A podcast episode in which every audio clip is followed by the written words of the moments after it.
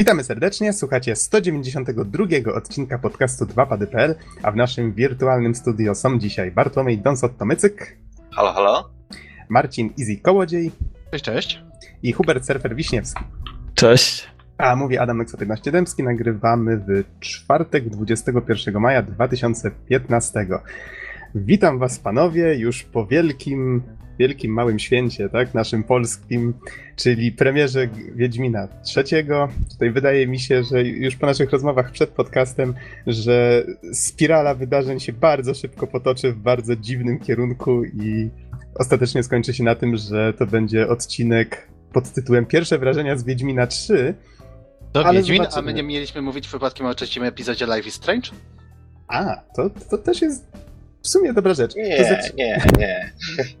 To zacznijmy w takim bądź razie, żeby już dać szansę Life is Strange, zacznijmy może od tego standardowego pytania, w co tam ostatnio graliście, ale... Wiedźmin.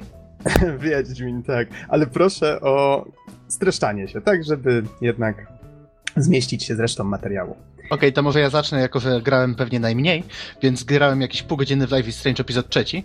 Rozkręcę się powoli, jak tylko coś zagram więcej będę miał, mam taką nadzieję przynajmniej w najbliższych dniach, to na pewno się podzielę wrażeniami. No i Wiedźmin. E, dziękuję. Okej, okay, a ty Serper? Mm, no to ja wyjątkowo grałem Wiedźmina trzeciego. E, o, oryginalnie. No, ja pierwszego, oryginalnie. Pierwszego. pierwszego nie, w pierwszego już dawno nie grałem. No, to tyle. Wiecie co, tak noszenie mieczy na, na plecach skrzyżowanych jest teraz takie niemodne, zauważyliście? W sensie Geralt ma teraz nie, nie skrzyżowane, tak? Ma obok siebie, równolegle. Tak, tak, no, na równolegle. Kiedyś to hmm. jeszcze, jeszcze był pod wpływem takich dawnych trendów oldschoolowych, ale teraz, teraz już nie. Czyli rozumiem, Don, Wiedźmin. E, u mnie odpowiedź nie jest taka prosta, dlatego że oh. Wiedźmina grałem zaledwie pół godziny i oczywiście zaraz się schowam bo jakaś strzała mnie trafi z publiki, ale... Byle nie w e, kolano. Nie miałem, nie miałem na więcej e, czasu, e, natomiast zagrałem też w inną grę, która, no, kiedy powiem, jest równie interesująca, to pewnie czymś dostanę w głowę, ale w Alien Izolacji. Jest to gra, na którą już od jakiegoś czasu ostrzyłem sobie zęby, a jako że zauważyłem ją na półce w sklepie, to, ostatecznie się za nią zabrałem. I dla przypomnienia jest to, jest to oczywiście gra, która bazuje na tej niesamowitej, słynnej marce Alien, ale tym razem podchodzi do niej zupełnie inaczej niż e, większość gier, tego, e, właśnie gier opartych na, opartych na tej marce, dlatego że pewnie wszyscy przyzwyczailiśmy się do tego, że że właśnie jeśli Alien, to Predator, no i jeszcze Versus w pośrodku, więc mamy tutaj trzy gry tego typu, które jakby jakby organizują ten, ten konwencję gameplayu, która ma, ma za zadanie jakby jak najwięcej zmieścić i, i, i alienów, i predatorów i tak dalej. I jeszcze w, te, w, tym środku ludzi jest dużo strzelania, karabinów, tego typu rzeczy. Natomiast tutaj y, nasze pierwsze skojarzenia przypominały trochę amnezję Mroczny Obłęd, dlatego że obcy miał być jeden tak? I, I tutaj bardziej więcej było uciekania i krycia się niż, niż faktycznej walki. Czyli Więc... powrót do korzeni filmowych. Tak, co bardzo, bardzo i jeszcze raz bardzo mnie cieszy, dlatego że e, mogę powiedzieć z czystym sumieniem na razie, przynajmniej na razie, na jakieś dwie godziny rozgrywki. Tak to się zapowiada, że będzie to e, druga wysokobudżetowa dobra gra e, oparta na marce Alien, ale podejrzewam, że właściwie resztę refleksji bardziej szczegółowych wolałbym sobie zostawić na recenzję, która prośmy Boga, żeby nastąpiła jakoś mniej więcej szybko. Okej. Okay. Przyznam, że zainteresowałeś mnie najbardziej opinią, którą napisałeś na naszym czacie skype'owym już kilka dni temu. Wspomniałeś o tym, że gra będzie, jest bardzo oparta na eksploracji i tak, tak, taki, nie wiem, obraz Metroidvanii mi mignął w głowie. Więc... No, generalnie mogę powiedzieć, że jest dosyć hardkorowa. Znaczy hardkorowa w takim sensie, że e, że jakby widać, że nie chce bezpośrednio prowadzić gracza za rączkę. E, bardzo często dochodziłem do miejsc, w których, na stacji, w których po prostu były drzwi zablokowane w jakiś sposób, potrzebne było jakieś urządzenie lub jakieś narzędzie, e, którego jeszcze nie miałem, więc okej, okay, doszedłem do wniosku, że, e, znaczy pierwszy raz, kiedy zobaczyłem kryjówkę, to pomyślałem sobie, no dobra, to zaraz będzie jakiś pewnie obcy. Na to czekałem, natomiast okazało się, że nie. I, I bardzo szybko właśnie też poznajdowałem różne inne elementy, z którymi jeśli chciałeś przeprowadzić interakcję, musiałeś posiadać właśnie ten przedmiot. I podejrzewam, że w takim razie będzie tutaj no, tak zwanego backtrackingu, e, tak zwanego dlatego, że pewnie, mm, no tak przynajmniej podejrzewam, bo na razie jeszcze za wcześnie, żeby o tym mówić, być może wydarzenia fabularne będą bohaterkę pchały w różne e, części stacji, właściwie całość dzieje się na stacji, na stacji Sewastopol, która jest w tej chwili już opuszczona, prawie całkowicie, i, i że gracz będzie miał więcej swobody. Natomiast co mnie cieszy, to to, że gra ma też pewne takie tendencje do tego, żeby, żeby temat wyczerpywać, to znaczy jest dużo fajnych, e, fajnych elementów związanych, no, z hakowaniem, ale takich naprawdę przyjemnych. To znaczy, na przykład masz, e, masz e, w ścianie taki terminal i w nim e, masz taką, taką rzecz, że system generalnie posiada powiedzmy energii 1 i masz trzy systemy. Jeden to jest jakiś system niestabilny, drugi system nagłośnienia, a trzeci na przykład oczyszczanie powietrza. No i na przykład e, masz ten jeden energii, możesz do czegoś włączyć zasilanie, możesz do czegoś wyłączyć zasilanie, to niesie sobą konsekwencje, na przykład część, część drzwi e, będzie zamknięta przez to, że właśnie wyłączyłeś zasilanie do nich, e, natomiast, natomiast systemy nagłośnienia albo e, system nagłośnienia można zwracać uwagę przeciwników, a wyłączając e, na przykład oczyszczanie powietrza, wtedy unosi się taka chmura kurzu dosłownie w tej okolicy przez jakiś czas, więc tutaj interakcja z otoczeniem będzie miała też wpływ na to, jak będą się zachowywać przeciwnicy. I i dużo jest ludzkich przeciwników. Trochę to jest naciągane, bo tak spotkałem grupę ludzi, E, I tam dziewczyna mówi, hej chłopaki, ktoś tu jest. I oczywiście za, od razu zaczęła strzelać do, do bohaterki. E, I potem, hej, potem oczywiście, oczywiście po, pobiegła po resztę i wywiązał się krótki dialog, który słuchałem akurat z ukrycia że co robić teraz, ktoś tu jest razem z nami, e, czy jest przyjazny, czy nie. No i, e, i właśnie towarzysz tej dziewczyny powiedział jej wprost, że nie możemy jej ryzykować. Nie możemy ryzykować, musimy działać stanowczo. No to ona na to, okej, okay, to zabijmy ją. Okej. Okay. E, w każdym razie, w każdym razie... Czy, czy to też... jest początek gry? Bo tak wiesz, nie, nie, nie, nie, nie to nie jest początek gry. To jest tylko jakiś taki urywek, który nie za bardzo nawet wiele mówi. Natomiast jeszcze dosyć ciekawą poradę w czasie ładowania ujrzałem, to znaczy była taka porada. Jeśli celujesz w kogoś bronią, to będzie to brane pod uwagę jako e, gest e, agresywny.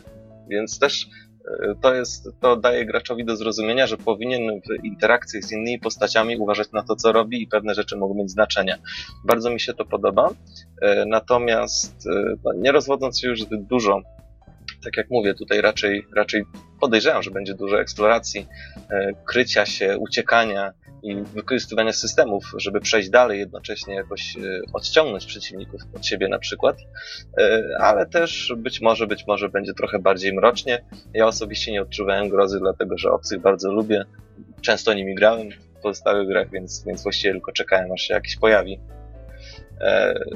I co jeszcze mogę dodać? Tak już w sumie może to, co powinien dodać na początku, czyli w grze właściwie sterujemy losami córki Ripley, e, która, e, która została wysłana na, mis wysłana na misję do stacji Sewastopol. E, I właśnie ta córka jest trochę zmartwiona tym, co się stało z jej matką. Właściwie nie wiadomo, co się stało. I ponoć odzyskano czarne skrzynki z Nostromu. No i gdzieś tam właśnie na tej stacji one się znajdują. Więc została wysłana ta drużyna. Oczywiście z pewnych powodów e, e, w konkretnej eksplozji na stacji bohaterowie się rozdzielają i Ripley zostaje na stacji, a reszta, reszta jest na statku. Więc, więc tutaj mamy z jednej strony chęć pójść jakby w głąb i odkrycia pewnej tajemnicy, tak przynajmniej podejrzewam. Natomiast jeszcze z drugiej strony chęć ucieczki, no bo opuszczona stacja pełna przeciwników nie jest miejscem bezpiecznym. No i myślę, że tutaj postawię kropkę. Natomiast gra zapowiada się bardzo interesująco i jak mówię, módlmy się, żeby doszło jakoś w miarę szybko do recenzji. Mhm. A jeżeli o mnie chodzi, to też Wiedźmin naturalnie, ale przed odpaleniem Wiedźmina skończyłem trzeci epizod Life is Strange, o którym Izzy już wspomniał. E, bo wiedziałem, że jak odpalę Wiedźmina, to już, to już będzie po mnie i faktycznie następny dzień spędziłem właściwie e, spędziłem właściwie w, w Temerii. Czy, czy właściwie to już nie jest Temeria, tak? Bo została podbita przez Nilfgaardczyków, ale to do tego przejdziemy. To było E, spoko, a wtedy lud z, no, lud z Nilfgaardu zaatakował. Mhm. E, W każdym razie chciałem tylko tak na szybko powiedzieć, że e, według mnie nadal odcinki Life is Strange trzymają poziom, nadal są dość długie, mają dużo kontentu, jeżeli ktoś lubi czytać na przykład jakieś dzienniki czy inne tego typu rzeczy, więc e, super, super, naprawdę ch- chyba najlepsza, ro, robi się z tego najlepsza gra epizodyczna, w jaką grałem, ale no, to, to jest dość odważne stwierdzenie, więc na razie się może wstrzymam tak z mówieniem tego głośno, ale, ale jest Nox, ja naprawdę tylko, super. ja tylko przypomnę, że Alan Mhm. Wake też jest w formie epizodycznej, chociaż ona była dosyć specyficzna, bo wszystkie odcinki były już dołączone do pełnej gry. W sensie to była pełna gra, która była po prostu podzielona na te odcinki. No tak bym tego w pewnym sensie nie ujął, bo wtedy byśmy dużo więcej tych gier mogli No, zakwalifikować, nie? ale przepraszam bardzo, powiedziałeś o grze w formie epizodycznej. Alan Wake taką grą jest. Buja. Okej, Okej, niech będzie. Niech będzie, nie będę się kłócił, bo mamy dużo, dużo jeszcze rzeczy do omówienia. Pobijemy się po podcaście, spokojnie. Eee, Zrobimy to po wiedźmińsku, gdybyśmy tylko nimi byli. na udeptanej ziemi. Przejdźmy więc do Wiedźmina. We wtorek, czyli kiedy to było? 19, 19 maja była premiera. W nocy z poniedziałku na wtorek były różne nocne premiery. Wiem, że w Warszawie była, była w, we Wrocławiu. No na pewno było w wielu różnych miejscach. E, Dokładnie się nie wczytywałem w to, ani nie oglądałem zbyt wielu filmików. Wiem, że część znajomych była właśnie na tego typu imprezie. Ja dostałem swoją paczkę kurierem następnego dnia o 13. I ja mogę powiedzieć, że Złotych Tarasach w Warszawie w nocy Aha. właśnie od z poniedziałku na wtorek, od północy oczywiście, e, była prowadzona nocna sprzedaż. Jeszcze na, na drugi dzień byłem, akurat w Saturnie. To jest jeden z takich sklepów e, większych, w których są gry i to całkiem sporo. E, Natomiast na PC ta Wiedźmina nie było już prawie w ogóle. W miejscach, gdzie, gdzie były pudełki po Wiedźminie trzecim, ustawiono Wiedźmina drugiego, żeby nie było. Na Wiedźmin drugi niestety wala się wszędzie, włącznie z pudełkami i koszami na gry po 5 zł. Bo, bo niestety się nie sprzedał zbyt, e, najwyraźniej nie sprzedał się jakoś specjalnie dobrze, żeby wszystko zeszło. Który, Natomiast Wiedźmin drugi naprawdę jest wszędzie. Wszędzie teraz można kupić i to za naprawdę małe pieniądze. Więc jeśli O. jeszcze nikt nie grał, to za 30 zł to wersję e, taką z obwolutą tekturową, z pudełkiem DVD, wszystkie tego typu rzeczy. Jest to edycja rozszerzona oczywiście. Można kupić naprawdę za, za bezcen.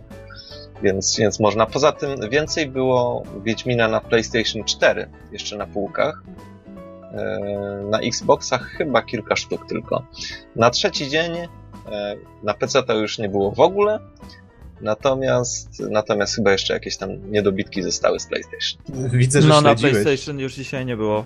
Akurat byłem w Saturnie Złotych Tarasach. E, mieliśmy zamiar kupić koledze na prezent, ale już nie było na PlayStation 4. To może tutaj- poszedł na łowy. No. To może formalnie, Albo żeby, został złowiony.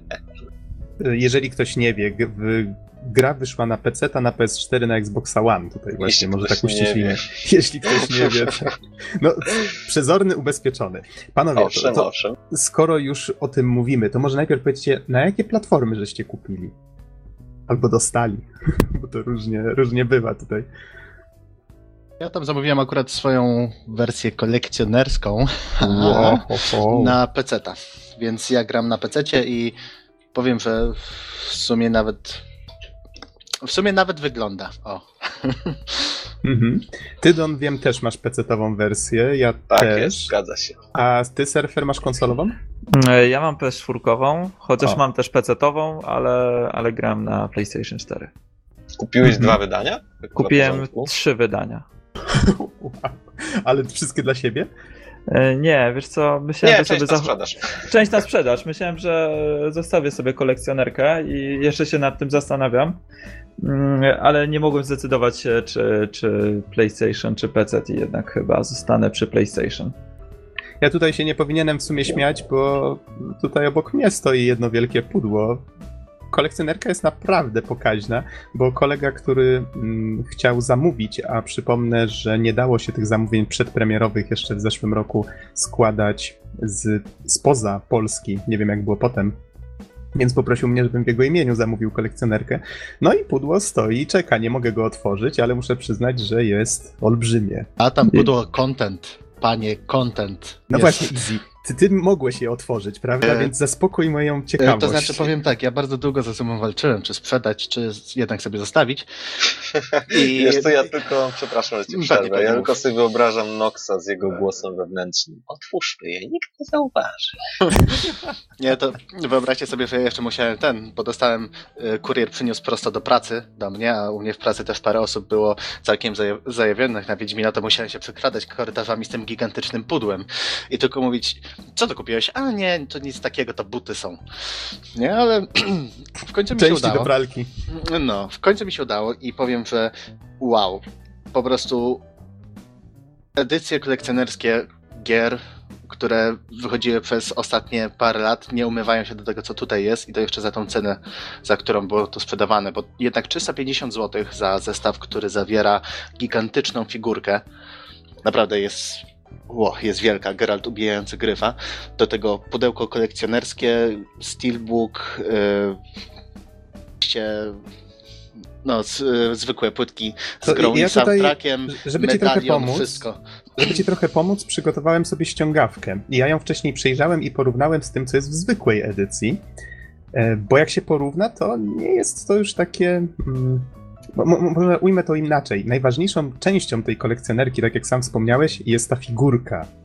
I ona prawdopodobnie kosztuje mm, tak dużo, bo ja nie pamiętam, ile zapłaciłem Wiesz co, dokładnie. m- powiem tak, nawet y, patrząc na to, że całość kosztuje 350 zł, kosztowała, to to jest bardzo tanio. Ostatnio jakoś powoli zaczynam się bardziej interesować właśnie figurkami i kolekcjonowaniem figurek, więc powiem Ci, że za, Aha. za figurkę takich rozmiarów i tak dobrze wykonaną, niestety malowanie nie jest takie, takie dobre, jak, jak pokazywali wcześniej, ale wiadomo, gdzieś, gdzieś po prostu trzeba było przeciąć, żeby, żeby koszty nie były zbyt wielkie, to jednak wow, ja myślę, że spokojnie tak, taka figurka to 500-600 zł sama może kosztować.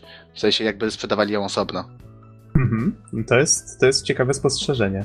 E, To może porównam inne części, no ale tutaj, jak zauważyliśmy, figurka jest najważniejszą częścią zestawu. I Z artbook. kolei. I artbook, tak, bo artbooka też nie ma w wersji zwykłej. Na Gogu jest chyba dostępny w wersji cyfrowej, bo do każdego pudełka z grom jest dodawana wersja cyfrowa na Gogu. I muszę przyznać, że to mnie uratowało, bo wersja z płyty mi się nie chciała zainstalować.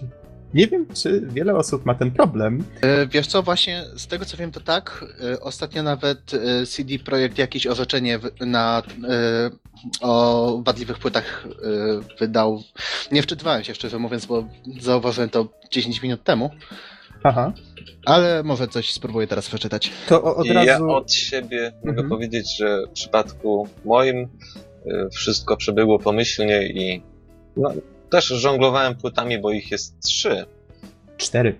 Cztery, cztery, tak tą czwartą na sam koniec. Nawet więcej niż w Mafii pierwszej żonglowałem płytami, ale, ale się opłacało. Mhm. No to w moim przypadku instalator prosił o plik, którego nie było na żadnej z tych płyt. I auto, autoplay płyty też nie działał, no ale to wiadomo, udało mi się ją po prostu otworzyć, włączyć instalator, myśląc, że już wszystko za mną. Nagle się okazało, że on szuka pliku, próbuje wybrać mu jakiś plik z płyty, okazuje się, że żaden się tak nie nazywa, no i na żadnej płycie nie było takiego, więc machnąłem na to ręką, wziąłem po prostu wersję z Goga, od razu się zalogowałem i pobrałem tam 26 czy coś koło tego gigabajtów. 25 GB plus 3 GB patch z polskim językiem. E, A, właśnie, to było ciekawe, bo zainstalowałem już tą grę z Goga i o, mogę zacząć grać. O, jest po angielsku. Hmm, dobra, to w takim razie zmienię język. Hmm, gdzie się zmienia język? O, w GOG Galaxy zmieniam język na polski. Nagle zaczyna pobierać kolejne 3 gigabajty. Ech, pecetowcy, nawet mi was nie żal. I Na kto PS to mówi? Na Aha, aha. PS4, wiesz, dwie minuty instalacji i po prostu lecisz jak spłatka, a wy sobie pobierajcie te swoje Tak. patche Dla językowe, te ustawienia. Owszem, pobierałem jestem z tego dumny. Jestem dumny z każdego megabajta. Natomiast e, jak to Wow. wyglądało w moim przypadku, e, instalacja oczywiście w całości z płyt, natomiast, e, natomiast był jeszcze po zainstalowaniu pobrań, do pobrania patch z Goga, który miał 324 megabajty, więc nie za dużo, natomiast gra i z polskimi napisami, ale to już jest nieważne, bo to łatwo zmienić, ale też z polskim dubbingiem. Mhm. Przy okazji, świetnie brzmi. To jest naprawdę jeden z nielicznych chyba przykładów gier z polskim dubbingiem, gdzie ten dubbing brzmi naturalnie i dobrze. Podoba mi się. Od Ale razu. zauważmy, że to jest naturalne, dlatego, bo to jest polska gra, więc wiedzieli jak to zrobić, wiedzieli kogo dobrać. Plus Ja nawet, to... Oj, nie zawsze tak jest, ale, ale rozumiem twój tok rozmowania. ja nawet słyszałem taką plotkę, nie jestem pewny na ile jest prawdziwa, ale że ludzie z zagranicy wolą sobie włączać polski dubbing i angielskie napisy. Tak? Ale nie mogę tego w żaden sposób potwierdzić, gdzieś to zasłyszałem w tłumie i no, ale No ja- myślę, ja na że, przykład- myślę, że jest to ciekawe. Ja na przykład w gry typu Stalker czy Metro wolę grać z rosyjskim dubbingiem. Oczywiście, Metro tylko po rosyjsku. E, W każdym razie, wracając do tego, co jest w tych paczkach, to może tak. Podstawowa edycja, która mogę nie pamiętać dokładnie, 130 zł chyba kosztowała, coś koło tego. Zawiera pudełko, do którego jest dodany steelbook z naprawdę pięknym nadrukiem. E, Ten steelbook jest na cztery płyty, które siedzą w środku, tyle właśnie zajmuje gra. Do tego jest dodana ścieżka dźwiękowa. Instrukcja to wiadomo, chociaż trzeba przyznać, że w dzisiejszych czasach dodawanie instrukcji to nie jest wcale taka oczywista sprawa. E, Jest dodana też taka maluteńka książeczka, która jest nazwana Kompendium Wiedzy o świecie Wiedźmina. E, Brzmi wyniośle, ale to jest naprawdę taka broszurka bardziej, która tłumaczy, co się działo w poprzednich grach i, i E, tak dalej. Bardziej, bardziej wyniosłą, że się tak wyrażę, wersję też można kupić. To jest taka. No to wygląda, nie wiem, czy kojarzycie takie encyklopedie popularno-naukowe, jak nie wiem, koleje, samoloty i tak dalej. No to jest coś takiego o Wiedźminie. Też w Saturnie widziałem, przeglądałem. Dosyć gruba, jest dużo obrazków e, z różnych części Wiedźmina, koncept arty, ale to raczej skupia się na takich, no, pseudo- pseudo-encyklopedycznych informacjach o, o świecie Wiedźmina i poszczególnych jego elementach. Mhm. E, W każdym razie ciągle mówię o standardowej edycji. E, Są jeszcze naklejki, jest mapa gry, podobnie jak w dwójce, też mi się to bardzo podobało. I I właściwie też. w jedynce już nie pamiętam, szczerze mówiąc, tyle czasu A ja minęło. mam edycję rozszerzoną z, z tymi wszystkimi dodatkami, w sensie tam i mapa e, świata była i soundtrack, tego typu rzeczy. Aha. Nie było Mhm. tanio i szczerze powiedziawszy jest w średnim stanie, ale ja ją kupiłem po latach, więc, więc warto było. Mhm. E, I to są rzeczy, które wchodzą w, w- skład tej standardowej edycji. I tutaj od razu mówię 130 zł, a 350, tak, porównanie, a wszystko to jest zawarte w edycji kolekcjonerskiej, do tego dodany jest właśnie ten artbook, o którym wspomniał Easy, e, figurka, o której była mowa, medalion wiedźmiński i jeszcze to jest zapakowane w takie kolekcjonerskie pudełko. Czyli tych dodatków nie jest dużo, tylko właśnie tutaj, tak jak słusz- słusznie zwróciłeś uwagę, ta figurka jest najdroższym i największym elementem i, i myślę, że na tym najbardziej ludziom powinno zależeć w tym przypadku. Ja Szczerze mówiąc, tylko- jeszcze, ten, jeszcze ten artbook, bo jest naprawdę przecudowny, wielki, masa, Aha. masa ilustracji, do tego opisy, y, opisy wszystkiego, foty, ym, koncept arty, prerendery. Jest na czym zawiesić oko, naprawdę. To teraz mam dwa pytania. E, Pytanie numer dwa e, o ten artbook właśnie. Ja zawsze narzekałem, że jak do jakiejś edycji gry dołączany był artbook, to zazwyczaj w takim małym formacie, że to niewiele, niewiele miało sensu to oglądać e, i, i no niestety niewiele było też widać. Natomiast powiedziałeś, że jest wielki. W jakim formacie? A cztery strony. No i tak powinno być od samego początku. Natomiast pytanie numer jeden. E, tak, tak, tak. Ja lubię tak wrót. E, pytanie numer jeden. Jak wygląda ten, e, ten medalion? Pytam dlatego, że widziałem mm, tu i ówdzie medaliony wiedźmińskie. Podejrzewam, że one były z pierwszej edycji, z pierwszej w ogóle gry kolekcjonerskiej i bardzo mnie to rozczarowało, bo one były płaskie. To był taki relief trochę, czyli jakby płytka trochę ukształtowana, tak że miała A czy, to była, przy, czy przypadkiem do dwójki właśnie nie był taki płaski? Wydaje mi się, że Nie jedynka jestem- miała taki wypukły. Nie Właśnie jestem pewien. Natomiast e, chciałbym zapytać, jak wygląda medalion numer 3 e, i czy, czy jest on taki, jak, jak to pokazano na, na prerenderowanym filmiku z kolekcjonerką, czyli no, wyglądający tak jak w grze, mówiąc krótko. Y, Nie wiem, jak wyglądał na prerendowanym filmiku z kolekcjonerką, ale to jest po prostu głowa wilka. Nie, Mhm. nie jest płaski, tylko jest rzeczywiście tak jak, tak jak w grze, tak jak w prawdziwy wiedźmiński amulet. Tylko to, że jest, jest y, pusty w środku, ale za to czuć, że, że, jest, że jest naprawdę porządny i ciężki.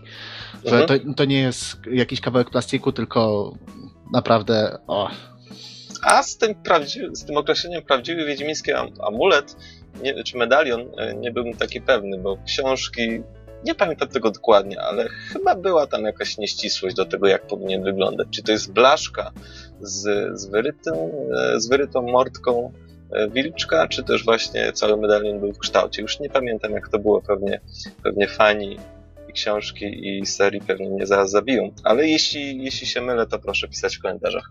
Mhm. E, Podesłałem wam grafikę promocyjną pokazującą tą kolekcjonerkę, to możesz easy potwierdzić, czy to naprawdę tak wygląda jak na tej grafice, bo to też jest pewnie prerender. y, jest trochę bardziej kanciasty. Aha, okej. To znaczy, jest tak jak tutaj widać na tym pudełku kolekcjonerskim, to jest, bo ten render przynajmniej w takiej rozdzielczości wydaje się, jakby był trochę bardziej taki zaokrąglony. Ale on jest taki kanciasty, mówię, dosłownie, tak jak w grze. Mhm. No spoko, spoko. Ale mówisz, że ogólnie jesteś bardzo zadowolony z kolekcjonerki, jest super solidna i jak sam ująłeś, jedna z najlepszych, tak? W jakimi się spotkałeś ostatnimi laty. Dokładnie. No to Na- fajnie. e, Tak jak właśnie ze współlokatorką gadałem i tak się śmialiśmy. No, a pamiętasz te czasy, jak Final Fantasy XIII wychodził i była kolekcjonerka i były dwie pocztówki i plakat? Mój Boże, już mi przypomniał. Ale słuchajcie, dla mnie to był ogromny szok, bo y, w- jeszcze jeżeli chodzi o wersje PC-owe gier, to mam wrażenie, że tam przeważnie coś się znajduje, chociaż y, dawno nic nie kupowałem na PC-ta. W każdym razie tutaj przeżyłem ogromny szok, bo em, samo opakowanie było opakowane w taki tekturowy e, taki kartonik właśnie dodatkowy. W środku jest soundtrack, instrukcja, jest mapa na całkiem dobrym papierze. E, Jest jeszcze kilka innych bzdetów. To co mówiłeś zresztą Nox kilka minut temu. W każdym razie no dla mnie to jest ogromny szok, szczególnie, że gra e, za 220 zł, co oczywiście jak na obecne standardy konsolowe to jest bardzo tanio. E, Czyli, czyli wersja konsolowa kosztuje 100 zł drożej, tak? No, Niecałe. nie, pamiętam ile tam PC-towa mówiliście. 100, 130 chyba. No to tak, to jest niecałe 100, znaczy 100 zł drożej można powiedzieć, bo nie pamiętam już dokładnie, czy to było 220 czy 230. E, No ale trzeba brać pod uwagę, że nowe gry w tym momencie na konsolę kosztują przeważnie 280 zł na start. E, Dobra. Już nie wspomnę o Battlefieldzie, który w wersji e, jakiejś tam Ultimate na PlayStation Network kosztuje 550. No więc e, wiesz, e, naprawdę nie przycina CD Projekt na tego typu rzeczach. Widać, że zależy im na tym, żeby to było pełne, fajne wydanie, nawet jeżeli jest to tylko zwykła edycja, ale właśnie do tego są też dołączone te DLC-ki, 16 darmowych DLC-ków. Mm, e, No na pewno nie można na, na to narzekać. Wiecie co? E, Generalnie mi się wydaje, że CD Projekt nie miał wyjścia. Znaczy, patrząc na skalę zachwytu nad grą, zanim jeszcze w ogóle wyszła i na skalę tego, jak wszyscy śledzili jakiekolwiek wiadomości, to gdyby ta edycja kolekcjonerska, a nawet zwykła, były po prostu byle jakie, to, to by A- a ja zaszkodziło, to by mocno zaszkodziło na odbiorze, moim zdaniem. Nie, nie zgodzę się w wizerunku. żadnym wypadku. Mogliby Moim spokojnie... zdaniem, e, a mogę dokończyć? No proszę Tylko. bardzo. Moim zdaniem oni nie mieli wyjścia. E, Gra była zapowiadana jako epicka. Gra już widać, że, że jest epicka i wielka, więc no wypadałoby, żeby i te wydania też były porządne. Mm, Moje zdanie jest takie: mogliby wyciąć jedną trzecią gry i sprzedać e, z DLC-kiem Day One i ludzie by i tak to kupili i tak by były zachwyty i tak dalej. Wiesz, e, to co mówisz według mnie miałoby jakąś wartość 10 lat temu, ale nie przy obecnym rynku. E, Wszyscy praktycznie twórcy teraz tak robią, że przycinają te gry, wydają co chwilę DLC-ki płatne, nawet jakieś głupoty, więc spokojnie mogliby na tym zarobić większe pieniądze i prawdopodobnie niewiele osób by nawet na to narzekało, bo po prostu e, gracze już się przyzwyczaili do tego, że są brzydko mówiąc dymani na każdym kroku. E, więc dla mnie to jest ogromnie miłe zaskoczenie, a nie coś, czego się spodziewałem. To może ja, Nie wszyscy, jak widać. to, to, to może ja dodam, ja dodam jeszcze swoje zdanie do, do tej dyskusji. E, Ja się tego spodziewałem, bo CD Projekt z poprzednimi edycjami poprzednich części Wiedźmina przyzwyczaił mnie do tego. Ja już otwierając dwójkę i patrząc, wow, mapa i to wszystko. Ja pamiętam, że ja na podcaście to przecież też chwaliłem, że EA czy jakikolwiek inny wydawca, okej, gra na PC, masz pudełeczko plastikowe DVD, tak? Otwierasz, masz w środku płytkę, już nawet instrukcje przestali dawać, bo po co. E, Właśnie a, a, a, tutaj, właśnie, a tutaj masz że właśnie, że właśnie ten zestaw, że ten zestaw pudełko z okładką, płyta, instrukcja, to wbrew pozorom właśnie ciężko jest o to. W Aha. wielu wydaniach gier. I to jest, to jest mój ból jednak mimo wszystko. Nawet no, jako takiego domorosłego kolekcjonera, który jednak chciałby mieć te wydania jak najlepsze. No to niemniej w tym przypadku CD Projekt jak zwykle nas rozpieszcza, ale to jest coś, co chciałem dodać tutaj do tego, co ty mówisz, surfer. Zwróć uwagę, że CD Projekt od dawna, ja też to już powtarzam nieraz, oni stosują taką taktykę marketingową czarnej owcy. Oni idą właśnie na przekór temu, jak robią to duże koncerny. Oni to robią specjalnie, bo oni wiedzą, że to zwraca uwagę ludzi. Gdyby wszyscy tak robili, to to nie byłoby nic nadzwyczajnego. Ale jak sam zauważyłeś, standardy się zmieniły i ludziom się to nie podoba. Oni wiedzą, że są dymani. W związku z tym, czy chędożeni już mówiąc po wiedźmińsku, tak? E, ale CD Projekt zauważył, Na że... CD Projekt zauważył, że można bardzo łatwo zwrócić na siebie uwagę, robiąc rzeczy tak, jak ludzie chcą, żeby je robić. Chcesz mieć jakieś dodatki, poczuć się miło, że masz jakąś mapkę, którą możesz obejrzeć, jak gra się instaluje. Ekstra! To dodatkowy kawałek papieru, prawda? Od razu jest ci milej, że to kupiłeś i zainwestowałeś w to pieniądze. To są dodatki, które ż- żaden pirat przede wszystkim nie dostanie do ręki, prawda? To też jest kolejny plus. No więc to jest, to jest według mnie bardzo fajna Tak, ale wiesz co, ale nie zgodzę się, że to ma jakiś wielki wpływ na odbiór gry i sam e, jakiś e, wielki marketing, bo nie przypominam sobie, żeby CD Projekt reklamował się w taki sposób, że kupcie Wiedźmina, a dostaniecie mapkę. Nie, e, chwalili się tym, że gra będzie na kilkaset godzin, że będzie ogromna i tak dalej, Mhm. więc to jest według mnie tylko i wyłącznie jakiś gest dobrej woli i rzeczywiście po zakupie gry to może dać im dobry PR i to, że ludzie będą mówić, e, że właśnie tak jak my teraz rozmawiamy, że nawet w podstawowej edycji mm, tak dużo rzeczy się znajduje, ale sądzę, że zdecydowana większość graczy nie kupiła tej gry ze względu na to, że e, w edycji podstawowej ma 20 kawałków na płycie CD, tylko ze względu na to, czego oczekiwali od gry. E, Ale to, co mówisz, Nox, jest jak najbardziej prawdziwe, że po prostu e, CD Projekt stara się trzymać jakiś poziom i ten poziom widać e, i w przypadku ich gier, i w przypadku właśnie ich wydań e, samych produktów, więc to jest naprawdę e, naprawdę i fajne i miłe w dzisiejszych czasach, gdzie wiadomo, wszystko jest okrajane. Mhm. No, ale to Ej, wiecie co? To ja już tylko powiem, że słuchajcie, panowie, tempo, bo w toku naszej recenzji nawet jeszcze nie kliknęliśmy zagraj. E, Jakiej recenzji? To są pierwsze To- wrażenia, mo- chyba coś mi ominęło? Mogę jeszcze coś dodać od siebie? Proszę bardzo. E, nie, bo serwer jak najbardziej masz tutaj rację, nie? Ale jednak zauważ, że e, tutaj nie tylko muszą się chwalić, w sensie, wiesz, zawartością edycji kolekcjonerskiej, podstawowej, rozszerzonej czy jakiejkolwiek. Wystarczy po prostu, że będą taką sprzedawać i to będzie przyciągać ludzi, nie? A e, jeszcze co do tego, jak teraz traktują, jak potraktowali graczy, w sensie jeżeli chodzi o, o sam content gry, to bardzo po, podoba mi się stwierdzenie, że oni chcą traktować e, Wiedźmina nie jako pojedynczą grę, jako pojedynczy produkt, tylko trochę jak usługę. Innym słowem, że cały czas chcą go dopieszczać. Właśnie te 16 DLC-ków, które mają być darmowe, to, to dopiero y, kupuje ludzi. I zagraj.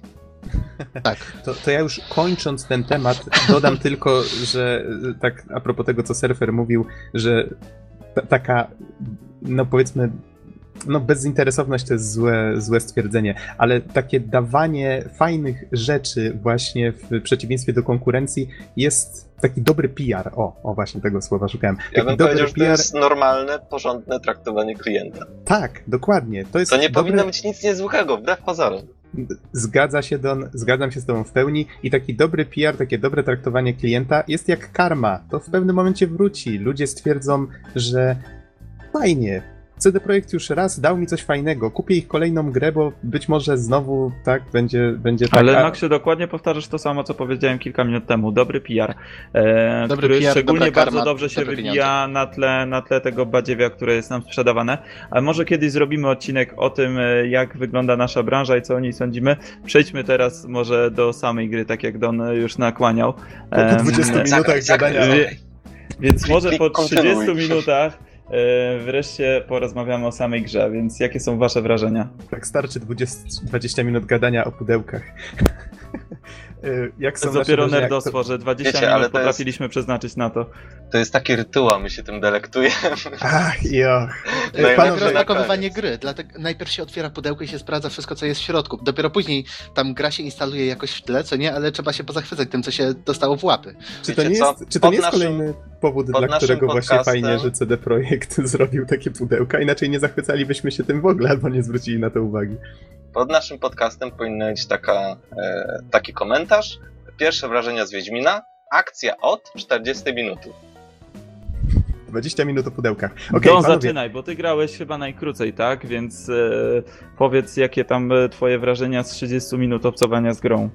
A wiesz, szczerze powiedziawszy, one nie mogą być duże, dlatego że, dlatego że sam czas w porównaniu do tego, jak gra pewnie jest jeszcze wielka, e, nie daje mi żadnego, żadnego porównania, ani żadnego wrażenia. E, A czekajcie, natomiast- wracając do pudełek. Nie! Nie. No słucham, surfer, co pominęliśmy? But surfer, we have to Nie, think nie, to outside the to, to, to był taki żarcik. Nie, no, po prostu dotykam mapę i się zachwycam. Don, kontynuuj, przepraszam. Okej, więc, więc jak mówię, nie jest to wiele, natomiast no, wrażenie może być jedynie pozytywne, tak? E, Na pewno, na pewno pokazali kilka fajnych rzeczy. W ogóle mam wrażenie, że, że starali się, żeby wszystkie lokacje, w których początkowo się przebywa, były jak najbardziej epickie. Takie z jednej strony niezwykłe, ale tutaj jeden widoczek, tutaj drugi, tutaj jakiś e, brud przez rzekę, e, przejazd konno i tak dalej, i tak dalej, więc Cytu- postarali cytując- się... Cytując Geralta, a, jednak ładna ta nasza dolina. Tak, tak, więc, więc starali się już na samym początku pewne rzeczy pokazać. E, Natomiast co też przykuło moją uwagę, to to, że właściwie kilka rzeczy. Pierwsza rzecz to walka Wiedźmina. Tutaj oczywiście mówię o paru ciosach, e, które paru walkach właściwie prostych, które trzeba stoczyć na samym początku, więc nic wielkiego, ale mam takie jedno wrażenie, że styl walki Wiedźmina znowu stał się niezwykły. E, I co mam tutaj na myśli? Otóż, e, jeśli pamiętacie pierwszą część, to tam choreografia była bardzo wymyślna. Tam Wiedźmin naprawdę, ten styl jego walki był taki bardzo, e, jakby to powiedzieć dla nas, taki wręcz egzotyczny. To znaczy były wykonywane bardzo nietypowe ruchy, bardzo nietypowe cięcia, uniki itd., itd. To wszystko wyglądało wręcz jak taki taniec specyficzny. W drugiej części bardzo się zawiodłem, dlatego że, dlatego, że jakby styl walki Wiedźmina walczyłem Geraltem i, i wykonywałem te wszystkie rzeczy i doszedłem do wniosku, że że to mógłby być ktokolwiek inny, że to mógłby być jakiś asasyn albo jakiś inny bohater y, w takim pseudo-średniowiecznym klimacie i on by No ale tak Assassin samo. to już był Natomiast, y, natomiast, y, natomiast wydaje mi się, że w trzeciej części przywrócili trochę tutaj tę pewną specyfikę, tę pewną niezwykłość ruchów Wiedźmina e, i stylów jego walki. Nie jestem tego pewien, na pewno będę musiał jeszcze trochę dłużej pograć, żeby, żeby e, dojść do pewnych wniosków, e, ale tak, taką tendencję już wyczuwam. Druga rzecz, powroty do słowiańskości. W sensie, nawet właściwie nie powroty, tylko nawet twórcy przebili pierwszą część, która nie była jeszcze, jeszcze nie była aż tak mocno zakorzeniona w tym, nie posiada tak wielu motywów, które się gdzieś, gdzieś tam pojawiały, szczególnie bardzo specyficzna muzyka, e, czy sam klimat, na przykład wnętrze karczmy z takimi jakby lud, ludowymi rysunkami na ścianach. E, tutaj bardzo mi się to podoba, bo jak mówiłem to podczas recenzji drugiej części Wiedźmina, e, właśnie dwójka przypominała mi trochę takie, takie jakby ogólnoświatowe, domyślne fantazy, tak? Natomiast tutaj, e, tutaj wydaje mi się, że raczej twórcy poszli w te wyspecjalizowanie tego świata, no i mam nadzieję, że, że jakby ta, ta moja ocena po tych pierwszych pół godzinach jakoś się, jakoś się zgadza z tym, co będzie faktycznie dalej w grze. Natomiast jeszcze kolejna, e, bardzo mi się spodobało, że no, właściwie sam początek gry e, rozgrywa się w Kermoren. No nie będzie to żaden spoiler i, e, i mamy do czynienia z treningiem Ciri, między innymi na słynnym wahadle.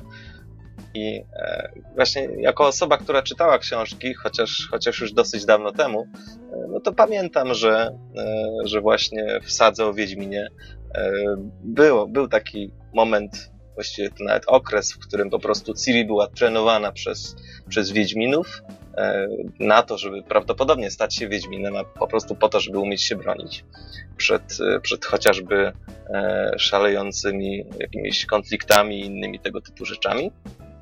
I e, bardzo mi się spodobało, że tutaj po raz kolejny już e, ludzie z CD Projektu dobrze odrobili swoje zadanie domowe, dlatego że, e, dlatego że wydaje mi się, że, że postaci mówiły wręcz słowami z książki, ale jak mówię, czytałem już dawno temu, Natomiast nie jestem w stanie potwierdzić, czy to naprawdę dokładnie w 100% słowa z książki, natomiast sam ten klimat, nastrój został, został, wydaje mi się, utrzymany i na pewno wielu, wielu czytelników będzie świetnie się bawić, wyłapując kolejne nawiązania, a już kilka po drodze napotkałem.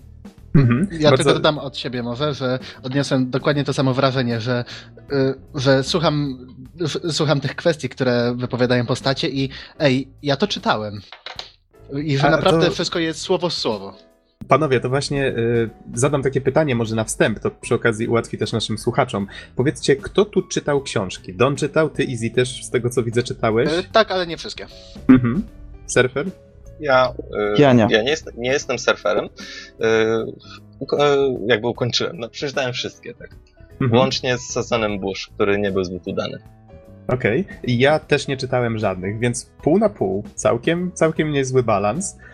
E, to fajnie, cieszę się, bo, bo fajnie, że macie też z punktu widzenia właśnie czytelników. Możecie spojrzeć Zrobimy na te gry. wyjątkowo artykuł, na kółwek będzie dwapady.pl. Statystycznie co drugi gracz Wiedźmina czytał sagę o Wiedźminie. W redakcji, tak. Um, Okej, okay. jeszcze o jedno chciałem was zapytać. Mianowicie, może powiedzmy na wstępie, ile kto z nas grał? Wiem, że czasu było niewiele od premiery. Jedni z nas mają więcej czasu na granie, inni, inni nie. Dlatego myślę, że to jest dość ważna informacja. E, Don, ty spędziłeś z grą, mówisz, pół godziny, tak? Dopiero. No tak, niestety coś koło tego, więc pewnie mhm. jest to niechlubny dosyć wynik, ale, ale robiłem co mogłem. E, a pozostali Easy Surfer? Jakieś chyba dwie lub dwie i pół godziny, tak plus minus. I właśnie chciałem sobie pograć, ale... Ale musieliśmy nagrywać podcast, okej, okay, rozumiem twój ból. E, surfer? Mm, e, wiesz co, właśnie chciałbym sprawdzić, e, ile tak naprawdę to jest, tego było. Ta informacja ale jest dostępna... się, wydaje mi się, że. Ale gdzie? gdzie w statystykach postaci. Musisz wejść w menu w, w postać, tam gdzie się rozwija postać, i, mm -hmm. i tam chyba bodajże C na klawiaturze uruchamiało statystyki, i na dole jest napisane, ile grasz dni, godzin, minut, sekund. Aha, That. aha. E, wiesz co, to odpowiem ci na to pytanie za chwilę, ale wydaje mi się, okay. że w takim razie grałem chyba najdłużej tutaj z chłopaków.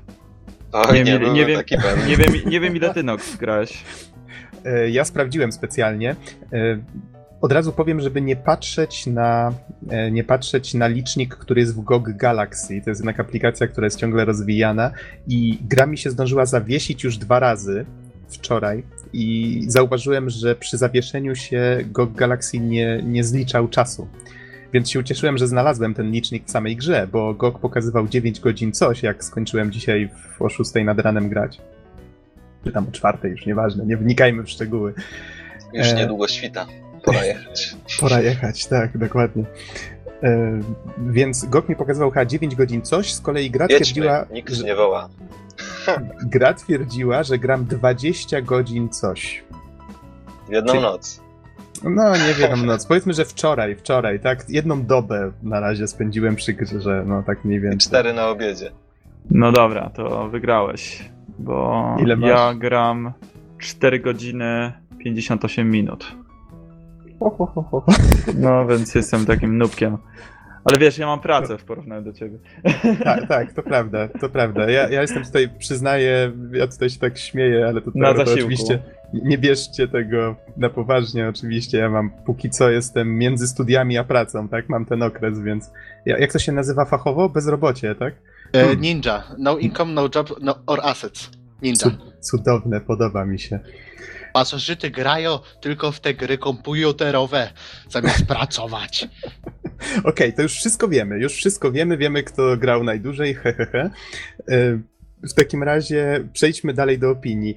E, Może w takim razie easy, bo tutaj Don porównywał do książek. To może teraz ty powiedz właśnie, ja- jakie twoje były e, w związku z tym wrażenia i tak może, żeby, za, żeby nie spoilować, tak, nikomu tutaj żadnych, żadnych wydarzeń. Może powiedzmy tylko, że fabularnie gra zaczyna się tak, że Geralt z Wesmirem szukają Yennefer.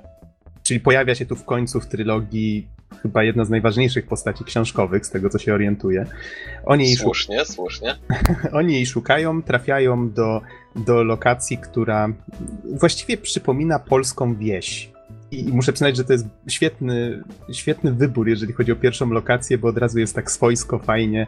I nawet moja siostra cioteczna, która jest na, na historii sztuki, y, patrzyła przez chwilę jak gram i była pod wrażeniem tego, jak wyglądają chałupy od środka i, i, i w sumie jedyne, co jej się nie podobało, to roślinność grze. Nie wiem, ja jako, jako taki początkujący deweloper już miałem trochę styczności bany. Ja nawet pracowałem już w Speedtree, w którym, y, w którym twórcy tworzyli tę roślinność, więc wiem, że w pewnym momencie trzeba pójść na pewne ustępstwa. Nie zwróciłem być może uwagi na to grając, ale ona stwierdziła, że, że dla niej roślinność miejscami chyba głównie chodziło jej o trawę. Wygląda trochę sztucznie. No Jak tak zacząłem się przyglądać, no to trochę przyznałem jej rację, bo tam powiedzmy jakieś wysokie kłosy nie zginają się na wietrze jakoś tam dostatecznie dobrze czy coś. No ale tak jak mówię, gdzieś trzeba pójść na kompromis i wydaje mi się, że przy tak dużym świecie gdzieś musieli to zrobić, tak? No wiesz, ja szczerze powiedziawszy spotkałem się z opinią, autentyczną opinią, że wszędzie w wiedźmińskim świecie, Wiedźmina trzeciego oczywiście, ryby są takie same. I że to jest y, dosyć poważna gra, wada jak na grę next-genową i nie pomogły moje wyjaśnienia, że Wiedźmin trzeci nie jest symulatorem rybołówstwa w świecie Sapkowskiego, tylko grą? RPG.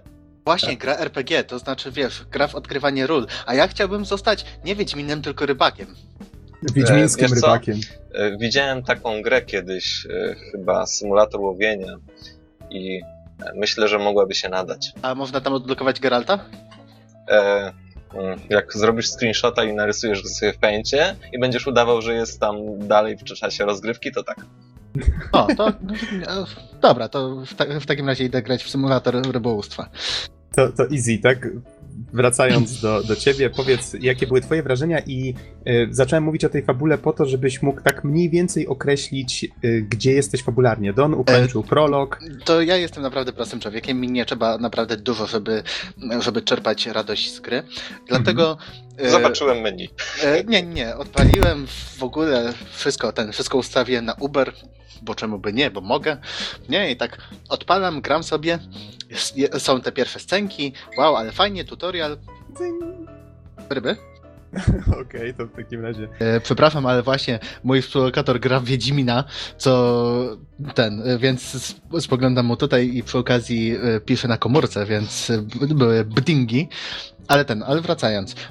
Pierwsze scenki, wow, ale fajnie i o, już nie muszę nigdzie jechać za nikim. Dobra, no to jadę tam. O. I, i zacząłem zwiedzać. Ogólnie powiem tak, ja się skupiałem tak bardziej na stronie mechaniczno-artystyczno-wizualnej, że tak powiem, gry. Jeszcze nie ruszyłem wątku głównego, tylko sobie chodziłem. Tutaj jakiś wątek poboczny, tutaj z kimś się pobić, tutaj sobie wspiąć się gdzieś. I wow, jestem naprawdę pod wielkim wrażeniem, zarówno jeżeli chodzi, tak jak mówiłem, o mechanikę, jak i o oprawę audiowizualną. Bo to, co panowie z CD Projektu zrobili, pomimo oczywiście wielu zarzutów typu y, o nie, y, ta gra 8,5 downgrade graficzny, drzewa są bardziej drewniane, bo też czytałem takie wypowiedzi, dosłownie to był cytat. Drzewo jest bardziej... Bardziej drewniane. Tak A jak się spije to drzewo, to już totalnie jak kłoda. No dokładnie, sęk, w- sęk w tym, że po prostu Sęk, ludzie jeszcze mówią- sęki w tym drzewie, tak? No właśnie, to miał być taki żartek, nie musiałeś zobaczyć, naprawdę. O, Ale nie, tak serio, to e, bardzo dużo ludzi narzeka na to, że był downgrade i e, to z tymi bardziej drewnianymi drzewami to chodzi o to, że o nie, przecież one się nie poruszają tak jak się poruszały w pierwszych trailerach. Problem jest taki, że w pierwszych trailerach się w ogóle nie poruszały, ale to tak, to tak swoją drogą, ale to, Ja- to ja chyba nie ludzie pamię- nie przyuważyli. ja, ja nie pamiętam naprawdę.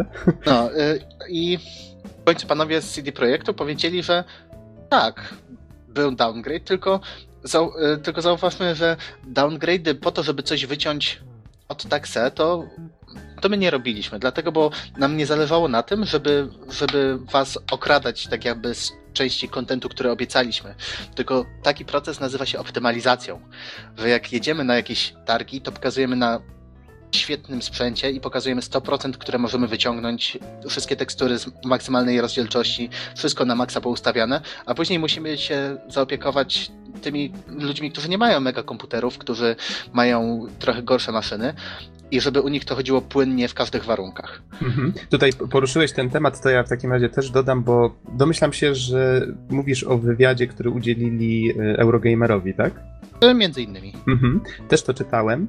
I tam jest jeszcze jedna kwestia.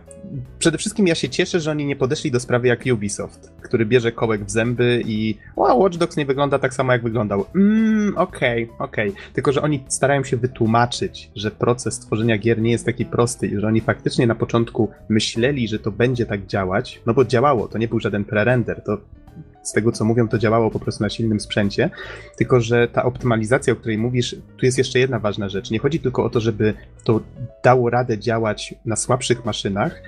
No tutaj o, konsolach nie wspominając, bo oni tak sami zauważyli, że oni muszą dostosować coś do konsol, żeby sprzedać tak na tych konsolach więcej tych gier. Jeżeli by tworzyli tylko na PC, to optymalizowaliby tylko na PC, no i tak dalej. Ale jest jeszcze jedna ważna rzecz, że ta gra dopiero prawdopodobnie później w procesie tworzenia y, zaczynała być tym otwartym światem, który też musiał działać płynnie, więc co innego pokazać mały fragment na potrzeby pokazu, a co innego, żeby to działało w grze w olbrzymim świecie, gdzie gracz może pojechać gdziekolwiek. I wtedy nagle się okazuje, że nawet na super silnym, najdroższym na świecie sprzęcie, to co zrobili wcześniej, na przykład może być zupełnie niewykonalne, bo zaczyna klatkować, tak? I wtedy zaczyna się ten proces. Ja Więc podejrzewam, że twórcy dobrze, gry Alien, y, ja podejrzewam, że twórcy gry Alien Colonial Marines mieli dokładnie te same problemy, tylko tak 10 razy większe. Colonial ma... A, a okej, już wiem do czego pijesz. w każdym razie cieszę się, że, że twórcy też starają się uświadamiać ludzi, że to nie jest takie proste i że to nie jest też takie e, biało-czarne, tak? Że ktoś widzi, że o, te screeny sprzed dwóch lat wyglądają lepiej niż te teraz. Okej, zdarzają się takie sytuacje, że to może być nieprzyjemna sprawa, ale cieszę się, że oni starają się też tłumaczyć mm, powody, dla których niektóre rzeczy mogą wyglądać gorzej. Ale, ale, my tu Znaczy, gadamy przede o tym... wszystkim utrzymują cały czas kontakt z graczami i cały Tak, czas tak, starają dokładnie. się odpowiedzieć na wszelkie wątpliwości. Nie, ale ten. Yy, właśnie A- na a- tym tak polega wiesz- proces optymalizacji, że Mhm. jednak niestety czasami musimy coś wyciąć tu i ówdzie, tak żeby wszędzie działało. Właśnie też o to mi chodziło, jak mówiłem, że wszędzie musi działać równo, nie? To zarówno na sprzęcie, jak i, że tak powiem, wewnątrz gry, nie? Bo to, że będzie świetnie wyglądać na pustych łąkach, to nie znaczy, że później w mieście to będzie działać jakkolwiek. Mhm. Ale dobra, dobra, tutaj rozmawialiśmy o tym downgrade'zie. Fajnie, że poruszyłeś ten temat, ale y, przejdźmy może właśnie tak płynnie do czegoś innego, mianowicie jak ta gra wygląda. No bo okej, zaczęliśmy tutaj gadać o, o tym głośnym temacie downgrade'u, bo to jest popularne mówić o tym, że gra powiedzmy nie spełniła maksymalnych oczekiwań, które wiadomo są zbyt wygórowane. Ale powiedzcie mi, jak ta gra według was wygląda? Fenomenalnie. fenomenalnie, prawda? Jakich, Jest, jest świetna, jest cudowna. Widać, chłopaki się postarali. na jakich ustawieniach graliście? Wiem, że to jest niewygodne pytanie dla niektórych, ale na jakich ustawieniach graliście? Ja gram na Uber, chyba tylko y, nie mam włączonego HBAO+, tylko No, może- SSAO i... Nie wchodźmy może w szczegóły zbytnie, ale... No, bądź co bądź, dosłownie dwie opcje są ustawione na pół, a reszta wszystko na, ma- na maksa. Wow, wow, nieźle. Kiedy kupowałeś komputer, tak się zapytam Y, tylko? To znaczy, kartę graficzną mam nową z zeszłego roku, GeForce 970, a procesor mam sprzed 4,5 roku. Jakoś tak. Tylko, Czyli- że to mam tego Intela pierwszej generacji, w sensie i7 pierwszej generacji, tylko jeden z mocniejszych modeli, dlatego, dlatego jeszcze działa i jestem zaskoczony. E, Słuchaj, surfer, ucz się, tak rozmawiają PC Master Race, tak? E, Easy. Dla ja, ciebie Glorious PC Master Race. Easy bardzo ubolewam w tej chwili, bo ja kupowałem komputer rok temu, ale ja mam tylko e, GTX 770, więc to jest karta, która się mieści idealnie w zalecanych. Więc ja gram na. Mogę grać na Ultra. Jak włączyłem wszystko na Ultra, na Iber, przepraszam, to gra działała, ale czułem, że, że mogłaby działać płynniej, więc po prostu ze względu na to, że nie widziałem jakiejś wyraźnej różnicy między tym a high, no to ustawiłem po prostu na high i wszystko działa super. Tam wyłączyłem, wyłączyłem na sobie... Ultra, y, wyłącz y, SSAO i wyłącz Nvidia Hairworks, dlatego, bo one najwięcej zżerają. No, domyślam się, domyślam się, ale tam sobie eksperymentowałem troszeczkę, znalazłem już takie ustawienia, które mi pasują, tam wyłączyłem powiedzmy zamazanie ekranu przy ruchu, bo ja nie lubię tego efektu i tak dalej i tym podobne. Niemniej tak, masz rację, ja się zgadzam, że gra wygląda fenomenalnie, a Don, ty wspominałeś, to właśnie ciebie miałem na myśli, mówiąc, że to niewygodne pytanie. Tak, no niestety u mnie karta graficzna ciągnie w dół i to dosyć mocno, więc, więc musiałem mocno, e, mocno uciąć te wymagania. No i mówiąc krótko e, i tłumacząc całą rzecz, pamiętajcie, że nie grafika jest najważniejsza. To prawda, to prawda. Nie. Znaczy tak, no, e, ja rozumiem, że, że jak coś wygląda prześlicznie, to jest to bardzo piękny, może trochę za, za dużo powiedziane, ale bardzo przyjemny widok. I, I sam mam to odczucie, kiedy na nowym komputerze mogę uruchomić na ultra detalach gry sprzed lat. Nawet, nawet sprzed lat, których, e, których niestety nie miałem okazji grać właśnie na, na, na tak wysokich. Natomiast, natomiast no niestety w przypadku Wiedźmina złożyło się tak, jak się złożyło. E, No i e, jeśli chodzi o grafikę, to raczej, raczej nie będę miał e, decydującego głosu. Mhm. Ale wspominałeś, że gra działa płynnie, więc wydaje mi się, że to jest Tak. ważna informacja. Bo tutaj nawet w tym wywiadzie w Eurogamerze twórcy zauważyli, że wow, ludzie po raz pierwszy mówią o naszej grze, że jest dobrze zoptymalizowana. Mówią, to może dobrze. że w takim razie tam narzekają na jakiś downgrade czy coś, ale cieszą się z kolei, że gra jest dobrze zoptymalizowana, więc może ten downgrade tak był potrzebny. No tak, no powiedzmy sobie szczerze, że czasem różnica między, e, między tym, że, że trawa wygląda pięknie, a trawa wygląda piękniej o 10% jest na tyle niewielka, że warto, warto po prostu zaoszczędzić trochę pamięci i mocy obliczeniowej na to, żeby, żeby gra działała po prostu lepiej. I ja się cieszę, dlatego że nie wszyscy mają potwory y, ch- chłodzone ciekłym azotem. y, I właśnie nie tylko te osoby mogą się cieszyć grą. Mhm. To jeszcze w takim razie pytanie do surfera, bo ty surfer grałeś na PS4. Tak, gram na PS4. No właśnie, jak ta E, gra tam wygląda na konsolę? ja się właśnie bardzo bałem em, tego zakupu gry na PS4 tak naprawdę, bo słyszałem na początku słabe opinie, jeżeli chodzi o framerate, a jednak dla mnie to jest dosyć ważne, żeby gra była płynna. I powiem ci tak, e, e, był ten patch pierwszego dnia, który poprawiał płynność i ja jestem zaskoczony bardzo pozytywnie. Na razie wygląda to wszystko bardzo, bardzo dobrze. Chyba jest to najładniejsza gra, jaką widziałem na PlayStation 4. E, Do tego działa naprawdę płynnie. E, Ma jakieś tam e, czasami nawet mocniejsze chrupnięcia animacji podczas jakichś bardziej intensywnych walk, ale wiecie, to nie jest nic y, takiego, że powoduje, że gra jest niegrywalna czy, czy coś, więc y, uważam, że jak na warunki konsolowe jest to naprawdę y, niezły wynik. E, sam postaram się przetestować też grę na PC, a może na następny raz uda mi się mm, już zagrać wersję też PC-ową na swoim komputerze, to wtedy zobaczymy e, jak to się ma w porównaniu do takiej średniej klasy właśnie komputera, jaki też mam. Ale, ale jest dobrze, jestem pozytywnie zaskoczony, naprawdę. Mhm. Okej, okay, to skoro powiedzieliśmy dość sporo o takich kwestiach technicznych, zaczęliśmy tutaj właśnie o tym, że gra działa dobrze czy źle. Tutaj wspomniałeś o patchach, to można jeszcze dodać, że twórcy już zapowiadają, że łatają grę na bieżąco. Faktycznie ja nawet znalazłem tam kilka drobnych rzeczy, które jak się okazuje już są poprawione, więc to idzie bardzo szybko. Czy wiecie co, ja bym tylko chciał powiedzieć, że, że jakby to już nawet przenik przeniknęło do, do powszechnej świadomości, ale taki utopijny obraz, w którym twórcy, całe studio, wiecie, w dniu premiery sięga po, yy, sięga po szampana i, i świętuje, i, i, i, przestaje pracować nad grą, tak? W sensie stawia kropkę, skończyliśmy.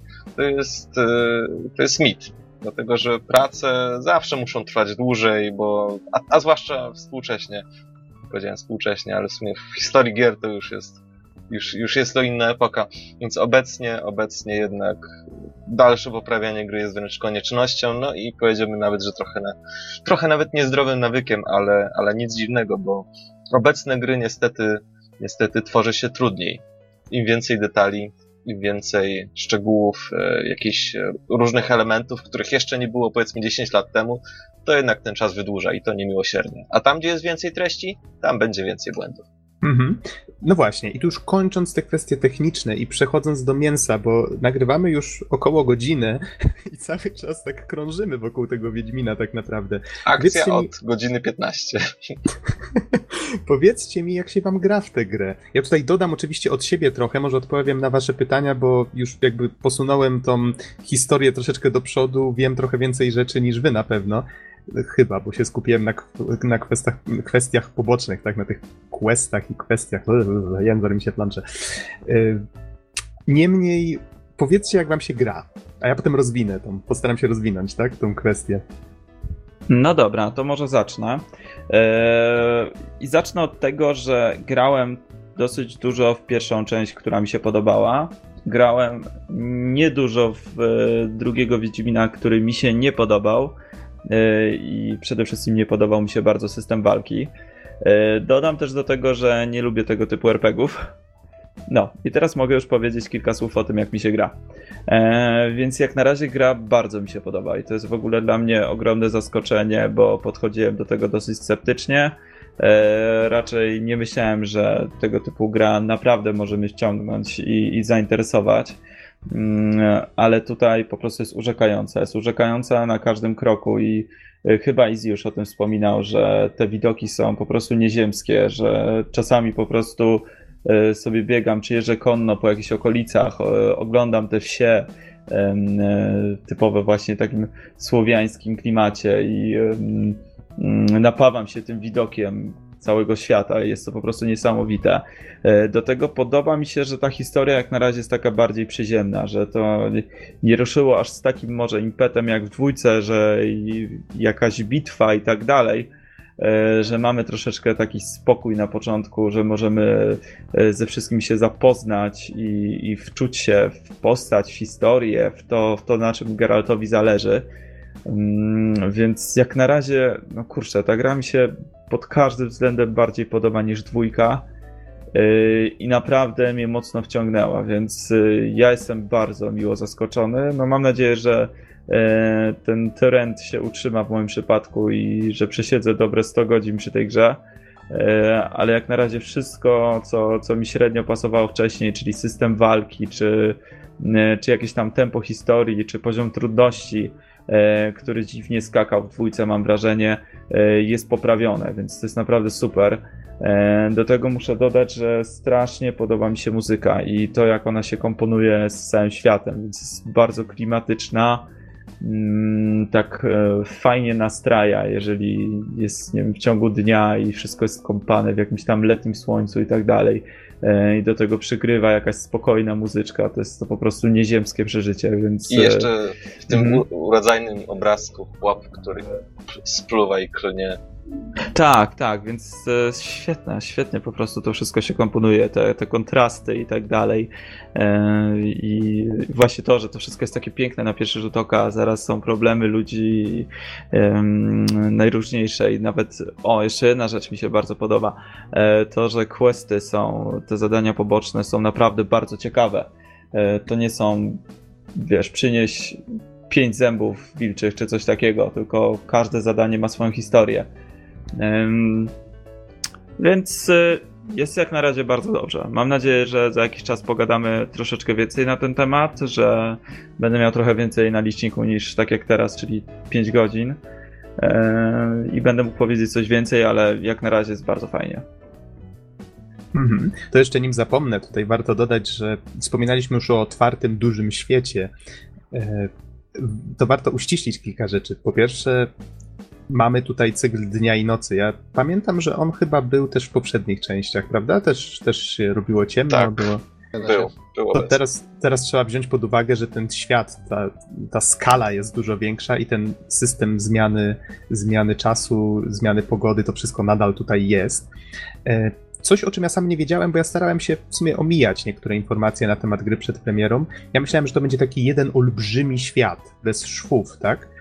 Troszeczkę jest to inaczej zrobione, mianowicie to tak jakby wziąć z poprzednich części ten mechanizm, że mamy różne miejsca na mapie świata, czy właściwie tak każdy rozdział w innym miejscu, tak? Na tej zasadzie, że powiedzmy jeden rozdział ma jakiś swój otwarty teren, w jego obrębie mamy konkretne questy, przechodzimy do następnego rozdziału i, i już jakby przechodzimy dalej, tak? Do innej lokacji.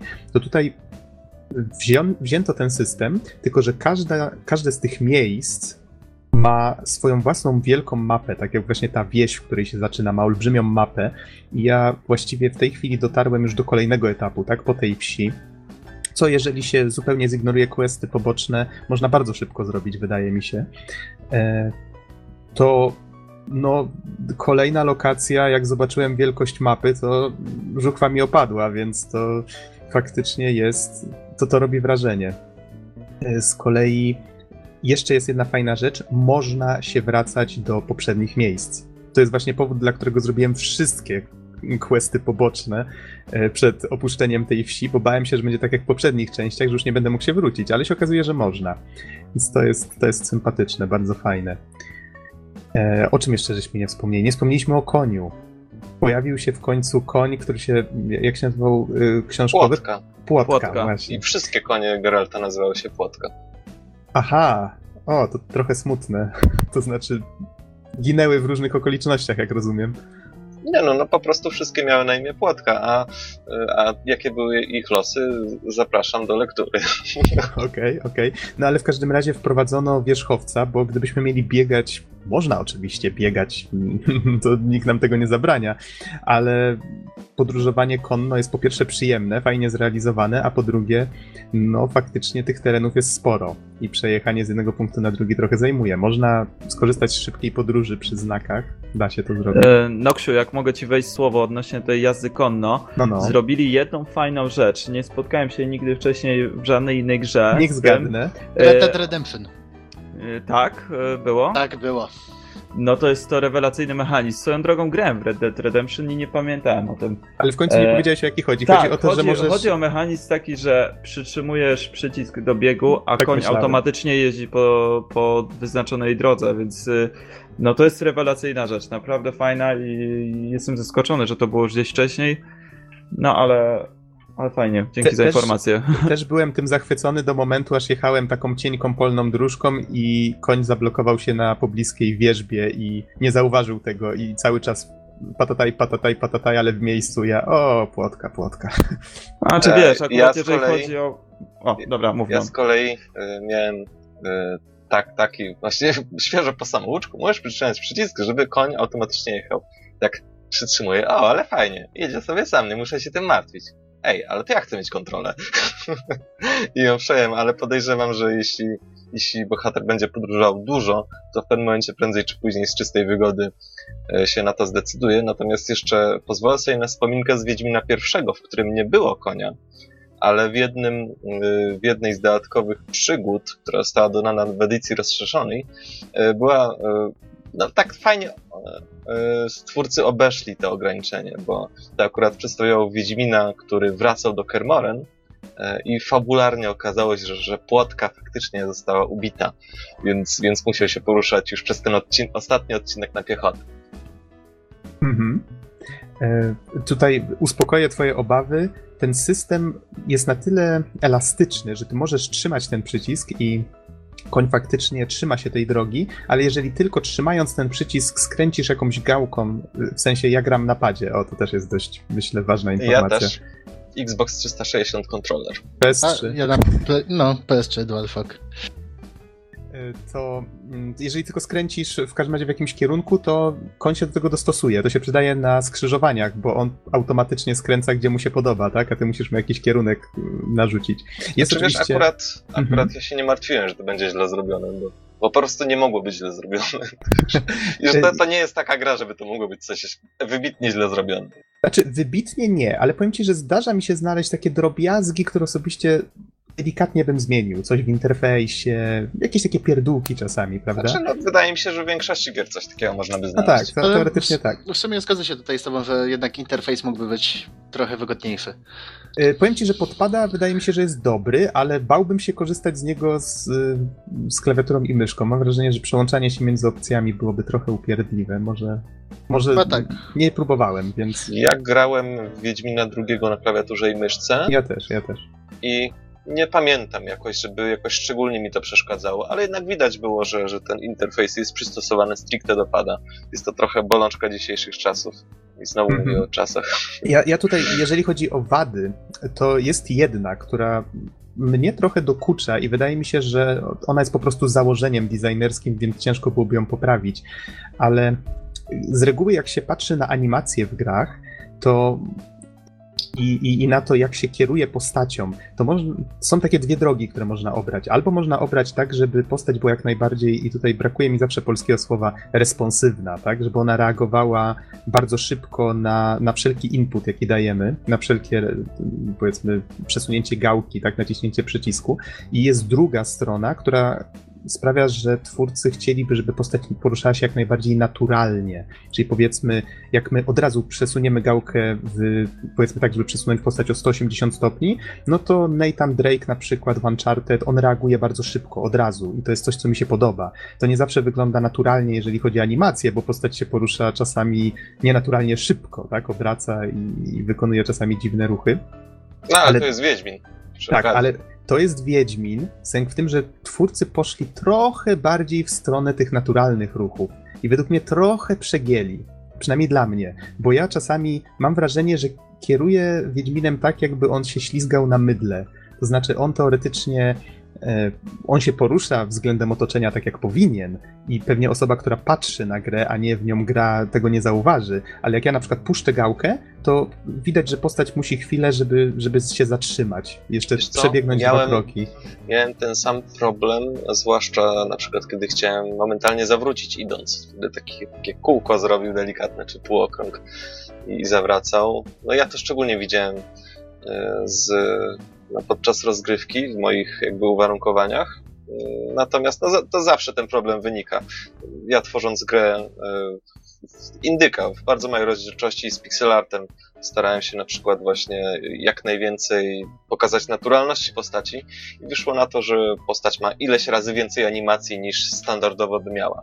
Zawsze jest to ten wybór, czasem jest bolesny, no i dodatkowo właśnie dochodzi ta responsywność e, na, na kontrolę. Też jest to trudny wybór.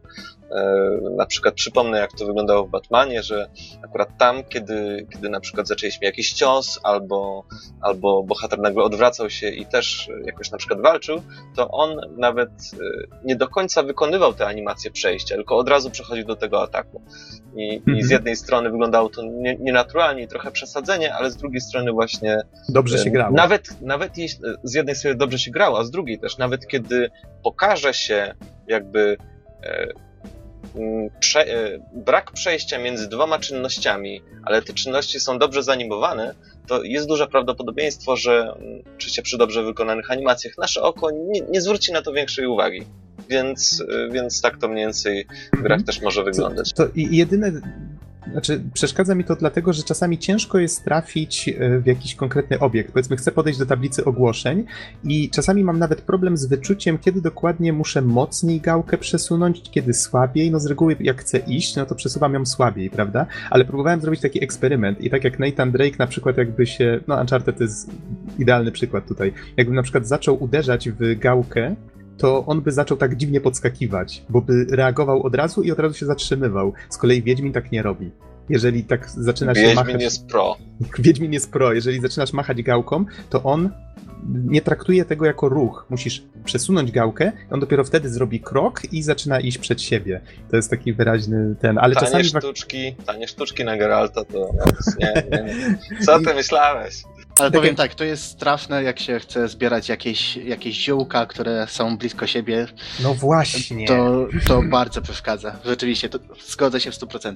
Ja próbuję, ja co? próbuję zbierać rzeczy, trafiać właśnie idealnie w te. I ja chciałbym, żeby ten próg przejścia między chodem a biegiem dało się w jakiś sposób określić w opcjach. Chciałem to zrobić, znaleźć taką opcję, ale się nie dało, żeby powiedzmy zmusić go do biegu mocniej przesuwając gałkę, a z kolei bardziej te słabsze, żeby on sobie jakoś tam chodził. No, żeby dało się to jakoś określić do własnych preferencji, prawda? E, No, Z mojej tyle. strony mogę dodać, że jeśli chodzi o chodzenie, tak, teraz mówimy o chodzeniu. Ludzie, musimy, musimy się zastanowić nad sobą po podcaście. E, To Czekaj, jeszcze- i to jeszcze, rybołówstwo, słuchajcie, y, chodzenie, zielarstwo. E, Jeszcze, żebyśmy normalnie mówili o tym chodzeniu, a Nox mówi, że no ja nie mogę trafić, no staram się, nie mogę trafić i tak dalej, i tak dalej. No w każdym razie ja też dodam coś o chodzeniu, e, skoro już o tym mówimy. Mi trochę dokucza ten system, w którym trzeba delikatnie jakby trzymać lekko odgiętą gałkę, żeby postać szła i maksymalnie, żeby biegła. Osobiście wolałbym, żeby, e, żeby mm, przyciskiem aktywować bieg, chociaż zdaję sobie sprawę, że przez taką drobnostkę zdawałoby się, trzeba by być może przeprojektować całą kontrolę albo przynajmniej dużą część kontroli gry, ale jednak mimo wszystko trochę mi to przeszkadza. Okej, ale to jak widać, każdy ma swoje preferencje, nik- wszystkim się nie dogodzi. Trzeba się do tego troszeczkę przyzwyczaić. No dobrze, Niektórym teraz- może to przeszkadzać.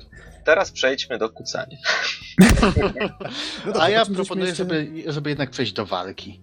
No, no. No bo co, co jak co, ale no mięcho, no walka, no ucinanie kończyn, Oj, odcinanie głów, y, potoki krwi, podpalanie. Ra, adrenalina. Dokładnie, adrenalina. Nie, Mnie się, mnie się podoba to, że ta gra przeszła bardziej w stronę takiego action adventure, czyli jest mniej RPGowa, tak jak była jedynka z tym całym klikaniem, tak, i możliwością przejścia, e, umieszczenia kamery nad postacią, tak żeby przypomina RPG w stylu Baldura. I tak jak dwójka poszła bardziej w stronę action adventure, tak teraz mam wrażenie, że trójka poszła jeszcze bardziej w tę stronę. Troszeczkę jak taki slasher. No, to znaczy może nie do końca slasher, bo jest bardziej skillowa i jest taka bardziej oparta już na unikach, nie? Bo Tak, jednak przeciwnicy bardzo dużo hapsów zabierają, nie oszukujmy się i walka nie jest prosta, szczególnie jeżeli po prostu idziemy i dusimy jeden przycisk, ale musimy tutaj sporo unikać, bawić się w przełączanie między, między celami i no, walka jest wymagająca, ale nie jest bo tutaj tak jakby są, y, są dwa podejścia do takiej walki y, walki właśnie w takich action RPGach, nie? Mamy takie trochę soulsowe na zasadzie, że co? Przycisnąłeś ten, przycisnąłeś przycisk ataku, to musisz poczekać, aż się wykona cała animacja i od tego miejsca, w którym stoisz, a nie w stronę przeciwnika. Co to? To nie. Ale wbrew pozorom Soulsy są właśnie responsywne. Tam postać się nie ruszy, jak ty jej nie E, każesz. tak, prawda. Plus do tego, a, do, a jeszcze jak się ka- e, każesz ruszyć, to się ruszy tylko tak, jak tak jak jej kazałeś i nic, nic więcej. I to mnie właśnie wpienia w Geralcie w tej chwili, bo Geraltem jakbym chciał grać w Dark Souls, to tak bardzo bym No pinął w właśnie, przepaściach.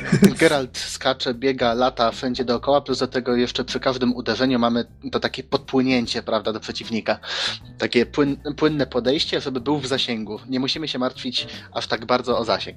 Niemniej wydaje mi się, że trójka dużo lepiej podchodzi do tego action adventure niż dwójka, bo tak jak mówisz, te uniki, to namierzanie przeciwników, mam wrażenie, że w dwójce było to trochę problematyczne. Tak, No i no wspominałeś tu- sterowanie, ale Wspomniałeś tu o poziomie trudności. To od razu powiem, że e, w, faktycznie w dwójce był z tym duży problem. A teraz włączyłem sobie najwyższy poziom trudności i gra jest trudna. Bardzo nawet. E, Większość starć moich muszę powtarzać kilka razy, ale gra się fajnie i. I, I faktycznie jest z tego duża satys- satysfakcja. I wiem, Jeszcze zdaję sobie sprawę, że. ziołka mogę- na uspokojenie. no właśnie, zdaję sobie sprawę z tego, że szukając nowego ekwipunku, wykonując questy poboczne, jestem w stanie się przygotować lepiej, powiedzmy, do boss fighta, tak? Czy, czy czegoś w tym rodzaju. no, pamiętaj, że działa jeszcze w dwójce to też, jak się trochę podekspiło, to już w pewnym momencie gra się stawała bardzo prosta. Tak, tak, dlatego ja mam nadzieję, że z trójką tak nie będzie. Póki co jest balans. Ja dopiero, co dotarłem, ja dopiero co dotarłem do kolejnej lokacji, więc tu może się wszystko jeszcze wydarzyć, ale zobaczymy. Y, Jeszcze dodam odnośnie walki, bo walka jest bardzo dynamiczna. Właśnie tak jak mówię, kończyny latają, y, wszystko się dzieje, można podpalać, podpalać beczki, podpalać jakieś opary nad bagnami. To jest, daje naprawdę bardzo dużo możliwości, ale jest coś, co mnie bardzo boli i no trochę, może nie tyle denerwuje, co jednak jest nieco niewygodne. No, Kamera.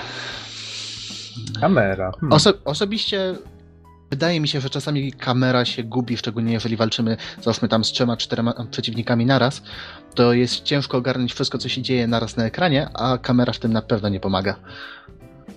No nie wiem, ja na przykład nie miałem takich, takich odczuć. Za to wydaje mi się, że w niektórych przypadkach to auto znaczy auto, y, to namierzanie, w sensie naciśnięcie prawej gałki, żeby mm, zacząć namierzać konkretnego przeciwnika, że to czasami nie działa. Nie jestem pewien. To jest pewnie coś do załatania. Y, Wiesz, to też mi się wydaje tak, że y, to znaczy ja robię tak, że jak podchodzę, załóżmy tam wyciągam miecz, przyciskam prawą gałkę, nie działa. Ale podejdę trochę bliżej, tak żeby jeszcze mnie przeciwnicy nie widzieli, raz machnę mieczem i już mogę namierzać. To Mhm. nie wiem, czy to jest przełączenie jakiejś flagi, że jest się w walce albo poza walką i to wpływa na, na samo namierzanie, ale też mam takie wrażenie, że coś jest z tym nie do końca tak, jak powinno Zastan- być. Zastanawiam się, ilu słuchaczy teraz się zastanowiło, o jakich my flagach gadamy. Więc mo- może nie, nie wchodźmy zbytnio w techniczne detale, e, ale wiem o co ci chodzi. Tak, ale bardzo możliwe, że to jest bug, że to zostanie poprawione. Dobrze by było, żeby na większą odległość dało się e, faktycznie namierzyć przeciwnika. O czym jeszcze żeśmy nie wspomnieli? No są petardy, są tak jak zwykle były, tak? E, O, trochę mnie zdziwiło to, jak działa alchemia. Bardzo późno to zauważyłem, ale gdy się już po raz pierwszy zbierze materiały do wykonania jakiejś mikstury, y, czy, czy właśnie petardy, czy czegokolwiek, co jest nam potrzebne, to w menu alchemii możemy ten przedmiot wykrawcić, no już tak nazwijmy, niech będzie, stworzyć go i on już wtedy jest zaznaczony jako masz już ten przedmiot. Ja tak się zdziwiłem, no jak to go mam? Przecież ja zużyłem przed chwilą te mikstury, ja już ich nie mam, chciałbym w tym menu stworzyć je ponownie. Zdziwiło mnie za to to, że niepotrzebna była medytacja do tego, żeby je stworzyć. Ale, ale, okazało się, że to działa w ten sposób, że w tym menu alchemii najpierw się coś tworzy, gra już uznaje, że okej, my to już mamy, z kolei w trakcie medytacji Geralt już sam wytwarza te mikstury po raz kolejny. Nie wiem do końca jeszcze na jakich zasadach to działa, bo jest tylko, pojawia się, pojawia się tylko informacja, że zużyłeś ileś tam alkoholu w trakcie medytacji na wykonanie tych mikstur. Oj, stary, wiesz, medytacja bywa czasem bardzo hardkorowa. Okej. Nie no wiesz, Geralt ma hipermeta, hipermetabolizm, więc może spokojnie pić. Nie, ale właśnie, właśnie to tak, wygl- tak wygląda, że mamy te mikstury, pijemy sobie spokojnie i one się kończą w pewnym momencie. Nie możemy ich wykrawcić, dopiero jak, jak medytujemy, to nam znikają przedmioty z ekwipunku i, i powiadomienie, że e, mikstura została uzupełniona, zużyto tyle alkoholu, co nie? No dobrze, ale gdybym ja na przykład, ja nie wiem jeszcze dokładnie jak to działa, dopiero zaczynam to rozkminiać. Y, Co się stanie, jeżeli na przykład mam wszystkie już mikstury w alchemii wykupione, to skąd gra będzie wiedziała, które z nich stworzyć? Ona wszystkie tworzy? Za każdym razem zużywając tyle samo tego alkoholu? Może Nie wiem, to trzeba by było sprawdzić. No właśnie, bo to wydaje mi się trochę dziwne, że to nie ja określam, co chcę stworzyć w trakcie tej medytacji, tak jak było do tej pory. To mi się wydawało przynajmniej em, intuicyjne, bo to, to tak było zgodne z prawdą, tak? W sensie logiczne, o, to jest dobre słowo. No nie wiem, to tu jest jakiś taki dziwny, dziwny pomysł, może ja go jeszcze nie rozumiem do końca. Niemniej fajnie, że gra pozwala zapoznawać się powoli ze wszystkimi tymi mechanizmami. Jest ich sporo, samouczki są fajnie zrobione, bo wyświetlają nam na ekranie Można to wyłączyć też całe szczęście. Wyświetlają nam na ekranie jakieś tam informacje, można się między nimi przełączać, te informacje zaznaczają nam, który fragment ekranu jest właśnie opisywany, więc w sumie tak jak w, w niektórych aplikacjach w tej chwili się robi samouczki, tak teraz też Wiedźmin prawdopodobnie też podpatrzył niektóre rozwiązania, więc myślę, że gra jest skomplikowana, ale każdy w swoim tempie będzie mógł ją poznać, więc to jest ciekawe. Okej, o czym jeszcze żeśmy nie wspomnieli? O klimacie żeśmy mówili, w ogóle fajne są y, kwesty, co ja z tymi questami dzisiaj? Questy poboczne, niektóre są fajne, zwłaszcza te oparte na... Chcesz na prowadzić kwestę. A może kwestie Dariów? Zwłaszcza te oparte na szukaniu potworów. Powiedzmy, jakaś tam y, jakieś widmo straszy koło studni. No to mamy quest, w którym musimy znaleźć powiedzmy powód, dla którego to widmo tam jest. Musimy zrobić troszeczkę tego action adventure, bo Geralt ma w ogóle nowe ruchy. Nie wspomnieliśmy o tym, że może pływać w końcu. To bardzo wpłynęło na to, jak są niektóre elementy Płynęło. jak. o, jak wpłynęło na niektóre elementy, tak, dokładnie. Pozytywnie, pozytywnie. No Fajnie to wykorzystano. Powiedzmy, tam wskakujesz do tej studni w pewnym momencie, tak, jakieś tam podziemne jezioro i inne tego typu rzeczy, więc no to, to fajnie wpłynęło. Mm. Tak, to, to bardzo e, pozytywnie. Brakuje mi synonimu. Mm. E, To bardzo pozytywnie odbiło się na całej mechanice eksploracji lokacji. O, dokładnie, dziękuję. No. O czym jeszcze nie, nie wspomnieliśmy, panowie, bo wypadałoby chyba kończyć powoli. W sumie to chyba wspominaliśmy o wszystkim, bo... Też To, nie, to pierwsze też- wrażenia, co nie? A to jest dłuższe tak. niż jakakolwiek recenzja, jaką mieliśmy, chyba. Pierwsza godzina wrażeń. E, Ale, Nie, mieliśmy dłuższe recenzje. ale myślę, że to jest akurat gra taka, którą na pewno każdy z nas będzie chciał skończyć, więc myślę, że wtedy będziemy mogli na spokojnie sobie przysiąść i przegadać te trzy godziny o pudełku, potem kolejne cztery o tym, jak działa CD Projekt Red, a potem dopiero jakoś podsumujemy wszystko w pół godziny, jak, jak się grało. Oj, wydaje mi się, że na Fajnie. recenzji, to, na recenzji to już skupimy się chyba na grze. Fajnie. 8,5, brak murzynów. Uważaj, żeby ci ktoś tego nie wyciągnął z kontekstu. E, Je, jeżeli nie wiecie o co chodzi, to zachęcam do przeczytania po pierwsze recenzji na Poligonie, która określiła świat Wiedźmina jako skrajnie mizoginistyczny i e, nie, niezróżnicowany etnicznie. O, to jest bardzo, bardzo dobre określenie. A potem jeszcze odpowiedź Adriana Chmielawa do e, recenzenta Poligonu. Znaczy, wiesz co, ja, ja myślę, że to można by temat uciąć w bardzo prosty sposób. No, poprawność polityczna i jakby obszary poprawności politycznej są bardzo kręte, są ścieżki bardzo kręte, nie do końca poznane i czasem trochę absurdalne, więc nie wiem, myślę, że myślę, że nie, nie ma co poświęcać na to jakoś specjalnie dużo czasu. Po prostu Mhm. trzy słowa. Social Justice Warrior. Jak? Social Justice Warrior. Social Justice Warrior. A, okej, okej. Ale dobrze, że wytłumaczyłeś sytuację, bo ja zupełnie nie zrozumiałem dowcipu.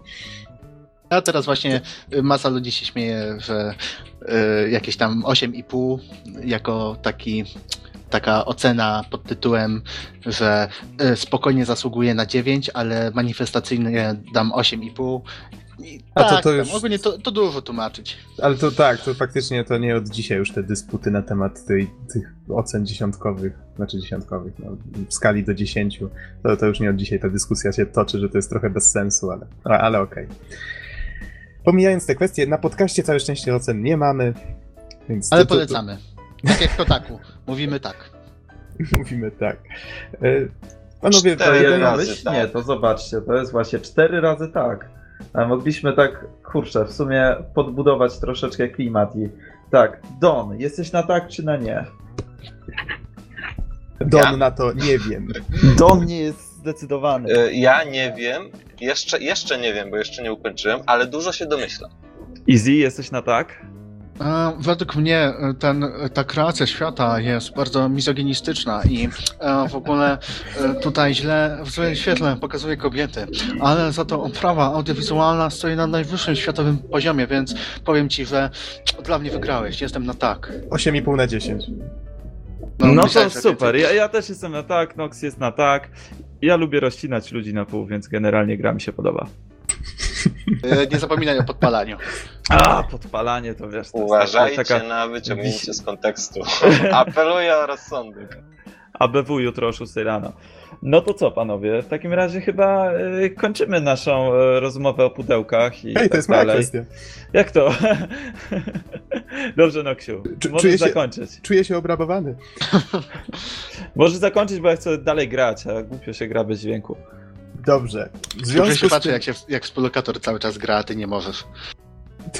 Kto nie może? A, ty nie możesz, no tak. Nie mogę, dlatego, bo nagrywamy. A tutaj No, współlokator gra. I cały czas widzę wszystko. Dobrze, więc w takim razie kończymy Wiedźmin nagrywać. trzeci dla wszystkich. Tak. Dziękujemy 3 wszystkim miliony bardzo. Wiedźminów 3. Już dzisiaj sprawdź, czy pójdzie ci na kąpie.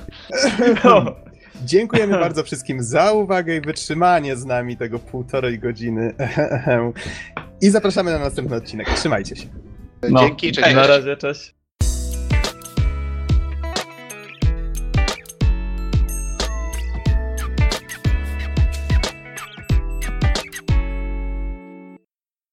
To była najprzyjemniejsza rozmowa o pudełkach, jaką miałem w życiu, muszę powiedzieć, na pewno. E, wiecie co, ta rozmowa była całkiem fajna, tylko trochę pusta w środku. O! Następnym razem musimy myśleć out of the box. Ja, O. gdybym, wiecie, gdybym miał podtrzymać trend tej rozmowy, to pewnie wysłałbym wam zdjęcie kota w pudełku. Weźcie teraz y, jako obrazek tego podcastu, dajcie właśnie kota w pudełku. Bizon taki- słyszy, co mówisz i za chwilę naprawdę będziemy mieli pudełko na, na okładce. Nie chcesz tego.